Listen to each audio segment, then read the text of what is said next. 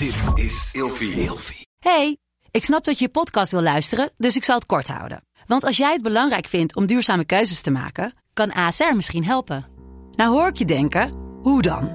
Nou, bijvoorbeeld bij het duurzaam herstellen van schade. Of de premies die we beleggen volgens ons duurzaam beleggingsbeleid. Dat bepaalt waar we wel en juist niet in investeren.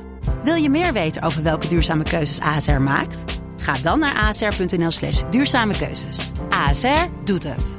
Zo, dan kan je nu lekker naar je podcast luisteren. Vroeger. Meneer de Mundik, we bespreken deze week het onderwerp uitvindingen. En in deze aflevering hebben we altijd een verhaal in de categorie overtuigingen en mythologieën. We gaan het hebben over de evolutietheorie. De evolutietheorie. Eh, jij bent het hier niet mee eens, ik wel. De aanhangers van de evolutietheorie gaan ervan uit dat het, al het leven op aarde is ontstaan uit een gemeenschappelijke voorouder, de bacteriën. Om in het constant eh veranderend milieu te kunnen overleven, moeten organismen zich aanpassen. Dat is de survival of the fittest. Ehm, in een ander milieu worden andere eigenschappen belangrijk. Doordat het milieu verandert, veranderen de soorten mee.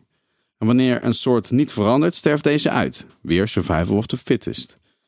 Op basis van dit principe en onder de invloed van miljoenen jaren tijd gaan evolutionisten ervan uit dat uit bacteriën uiteindelijk alle levende organismen op aarde zijn ontstaan. Volgens evolutionisten zijn alle soorten op aarde met elkaar verwant en stammen alle organismen, zowel plant als dier, af van een gemeenschappelijke voorouder. Maar wat is nu de ontdekking? Want inderdaad, ik geloof hier niet in, maar dat maakt voor nu even niks uit. Het is natuurlijk wel een, ja, ehm, mythologie. Dus het is een gedachtegoed van, ja, zo is de mens ontstaan, eh, de aapmens. Maar volgens mij bestaat deze theorie pas 150 jaar.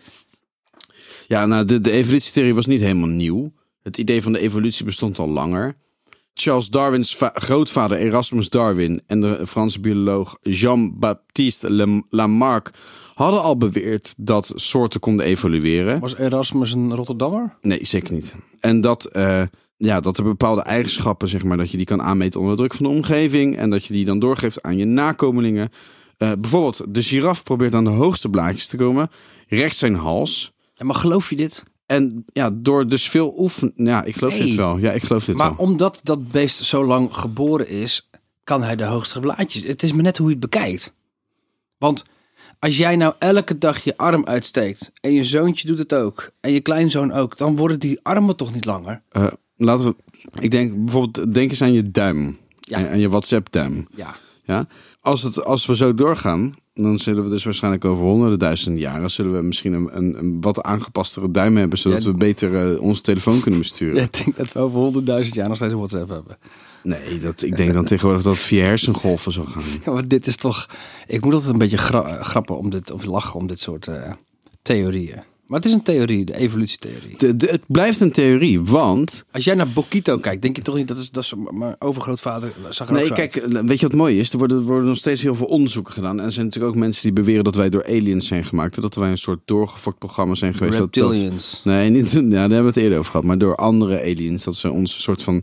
eh, ja, dat we een experimentje zijn.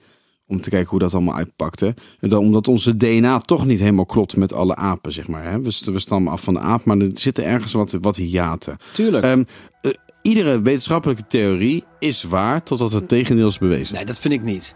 Alles is niet waar totdat het tegendeel is bewezen. Tot morgen. Vroeger.